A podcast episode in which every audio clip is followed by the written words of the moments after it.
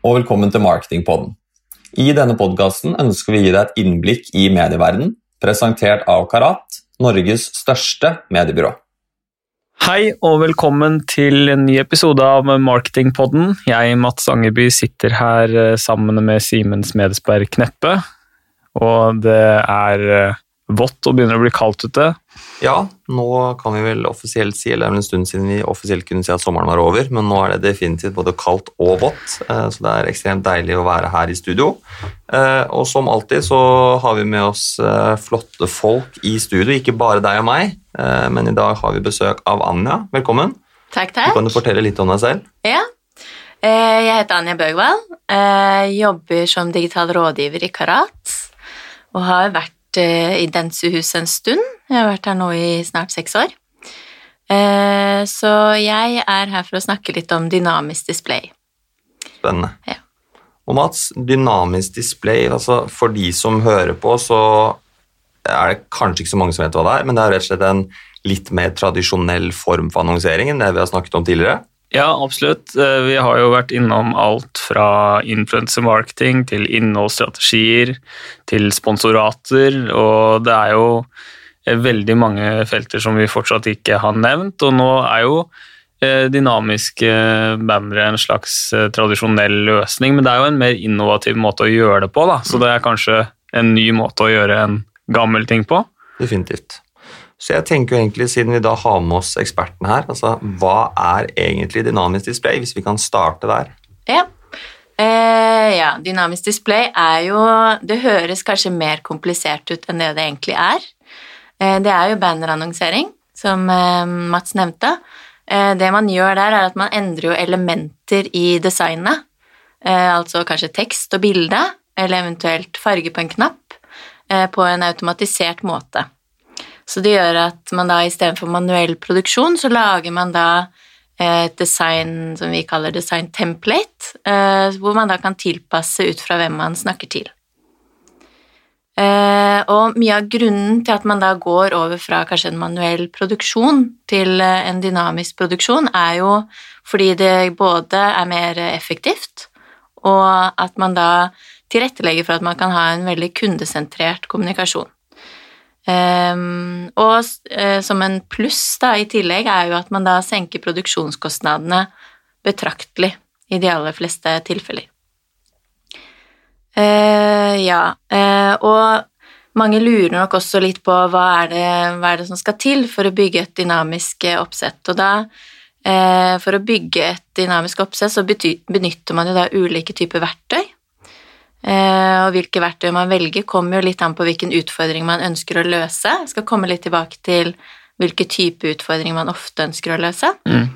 Um, og da er det jo viktig at man vet det uh, før man velger verktøy, og starter med selve oppsettet.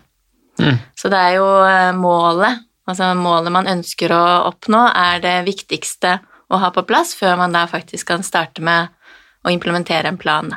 Mm. Nå har du jo snakket litt eh, om det, Anja, bl.a. med at det kan eh, spare deg for produksjonskostnader. Men hvis du skal oppsummere veldig enkelt, hvorfor er det viktig for selskaper å vite om dette og ta stilling til dette? Mm. Det er eh, Altså, først og fremst da, så tenker jeg at øh, jeg vil trekke frem det som har med å være kundesentrert og det å skape en god kundeopplevelse. Eh, hvis man kommuniserer alt til Altså det samme til alle, eh, så vil eh, man ikke skape nødvendigvis en god kundeopplevelse, fordi alle har forskjellige behov, og alle har forskjellige interesser. Eh, så det å kunne tilpasse ikke nødvendigvis en én-til-én på all kommunikasjonen sin, men det å kunne tilpasse ut fra hvem man snakker med, er viktig. Eh, og er man, da er man nødt til å ha en dynamisk eh, rigg for å få det til. Eh, skal man gjøre det manuelt, så krever det veldig mye produksjon. Eh, så vi, eh, vi mener at det er da den beste løsningen for å ha en, en kundesentrert kommunikasjon i display. Om man da har en kundesentrert kommunikasjon, så er jo de da mer tilfredse og opplever at deres behov dekkes. Og det er jo også Eh, en av grunnpilarene for å skape langsiktig vekst og gode resultater for selskaper. Det at man har en kundesentrert kommunikasjon. Så rett og slett et verktøy for å bli en bedre lytter, det er jo eh, gjentagende, det har vi jo hørt før, Simen, at det er Mm. viktig. Dette høres jo veldig, veldig bra ut. Det høres jo veldig veldig bra ut, og vi har også snakket mye om eh, på en måte dette at eh, på tiden vi er inne i, har gjort at mange bedrifter har blitt mer agile, eller funnet verktøy for å bli mer agile. Jeg vil jo tro at dette også er en av utfordringene som blir løst, at man ikke nødvendigvis må lage 20 bandsett og så gå med det, for det er så mye produksjons, eh, produksjonsmidler som har blitt lagt bak det. Men at du lager ett eksempel som du kan lage x antall flere eksempler ut av uten at det påløper mer på det kostnader. At man rett og slett blir mer fleksibel. Da vil jeg tro at en av også kanskje de store utfordringene som dette er med på å nettopp løse. Ja, absolutt. Det er eh, den fleksibiliteten og, og det å kunne tilpasse. Mm. Ja.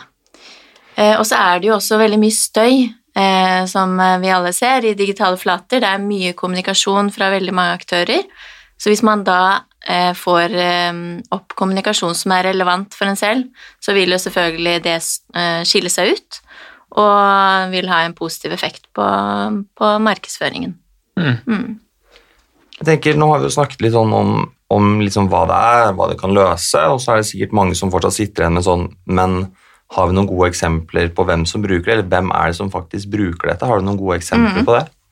Ja, vi har jo Vi ser jo at det er flere og flere som eh, bruker det. Eh, og mm, selv om det er jo Jeg vil ikke si det er en ny mulighet, men eh, det blir jo stadig mer fleksibelt og enklere å bruke.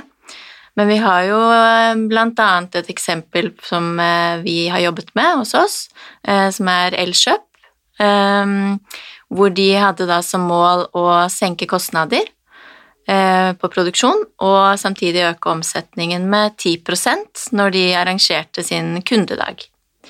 Så de skulle da feire kundedagen og ville invitere kundene til de lokale butikkene ved da å inkludere navn på nærmeste butikk i digitale bannere.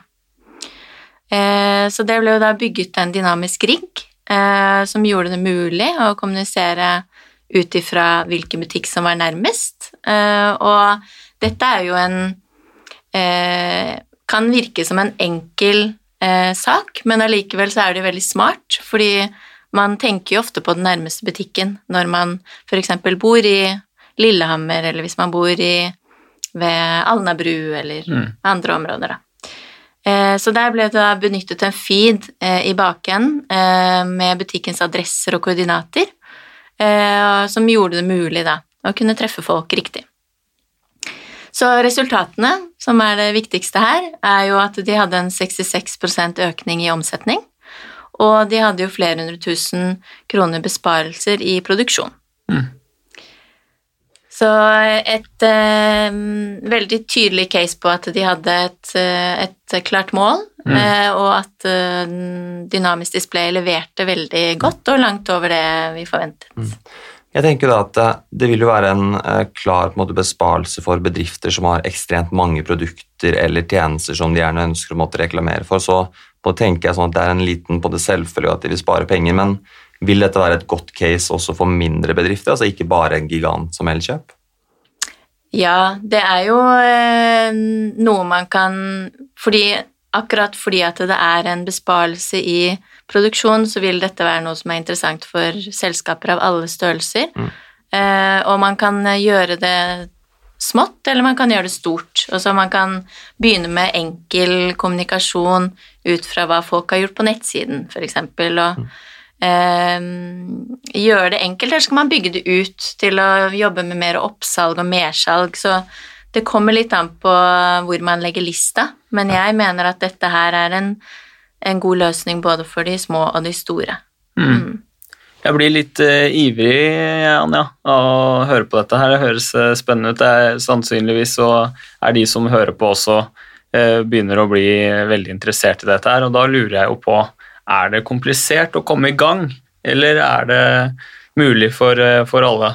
Ja, eh, det er jo et naturlig spørsmål å ha, og vi opplever jo også det når vi snakker med forskjellige selskaper. Eh, Jeg vil si det ikke er veldig komplisert å komme i gang, eh, men det er viktig å ha en god forståelse om hva man ønsker å oppnå. litt som jeg nevnte i starten. Um, hva er det man vil oppnå? Er det at man ønsker å senke kostnadene? Er det at man skal ha en mer kundesentrisk kommunikasjon? Er det økning i omsetning, eller er det en kombinasjon av disse? Det er jo ofte en kombinasjon. Mm. Uh, når man da har en tydelig definisjon av hva man ønsker å oppnå, hvor man ønsker å, å komme seg til, uh, så er det da viktig å kunne samarbeide med noen som kan dette. Eh, om man da har ressurser internt, eller om man har eh, partnere eh, som har erfaring med dynamisk display, så er jo det rette stedet å starte.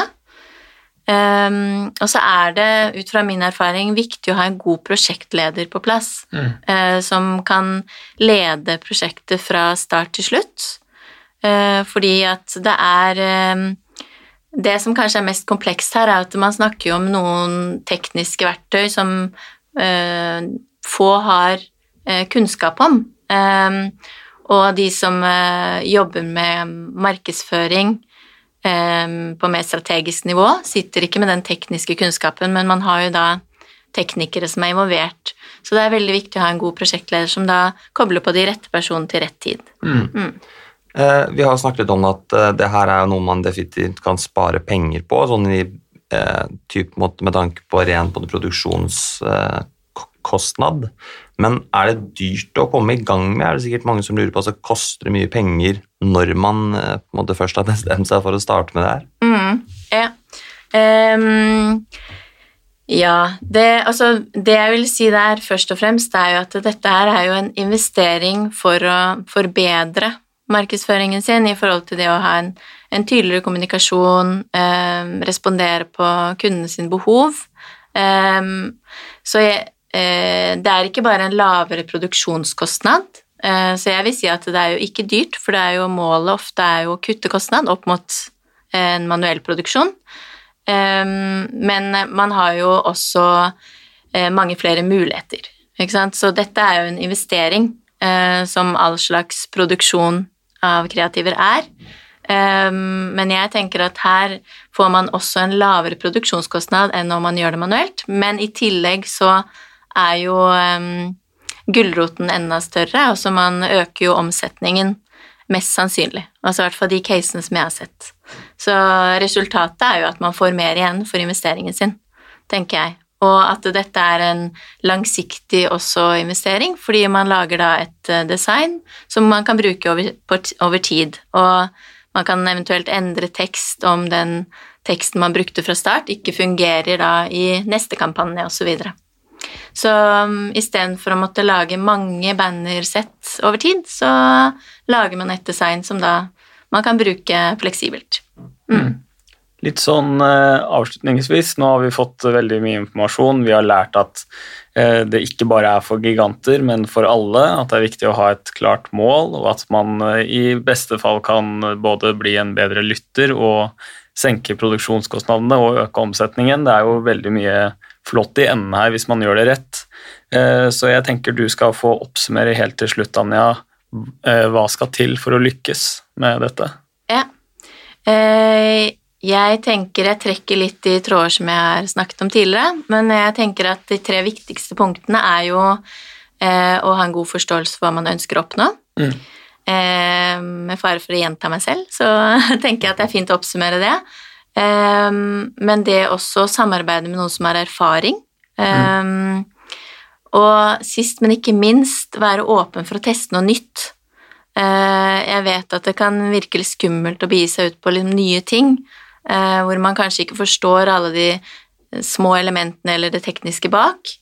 Uh, men så lenge man da samarbeider med noen som kan dette, og man har en god forståelse av hva man vil, så tenker jeg at det med å teste og optimalisere kontinuerlig med nye ting sånn som dette, er noe som ikke bare er smart, men som nesten er nødvendig for å gjøre det godt i digital markedsføring.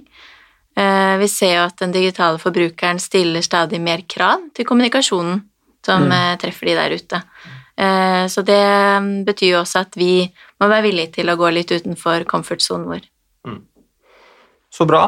Jeg tenker med det at vi sier på det takk for nå. Tusen takk for at du lyttet til, og takk for at du kunne komme til oss i dag, Anja. Bare hyggelig. Takk skal dere ha. Supert. Da Yes. snakkes vi neste gang. Ha det bra. Ha det bra. Ha det bra.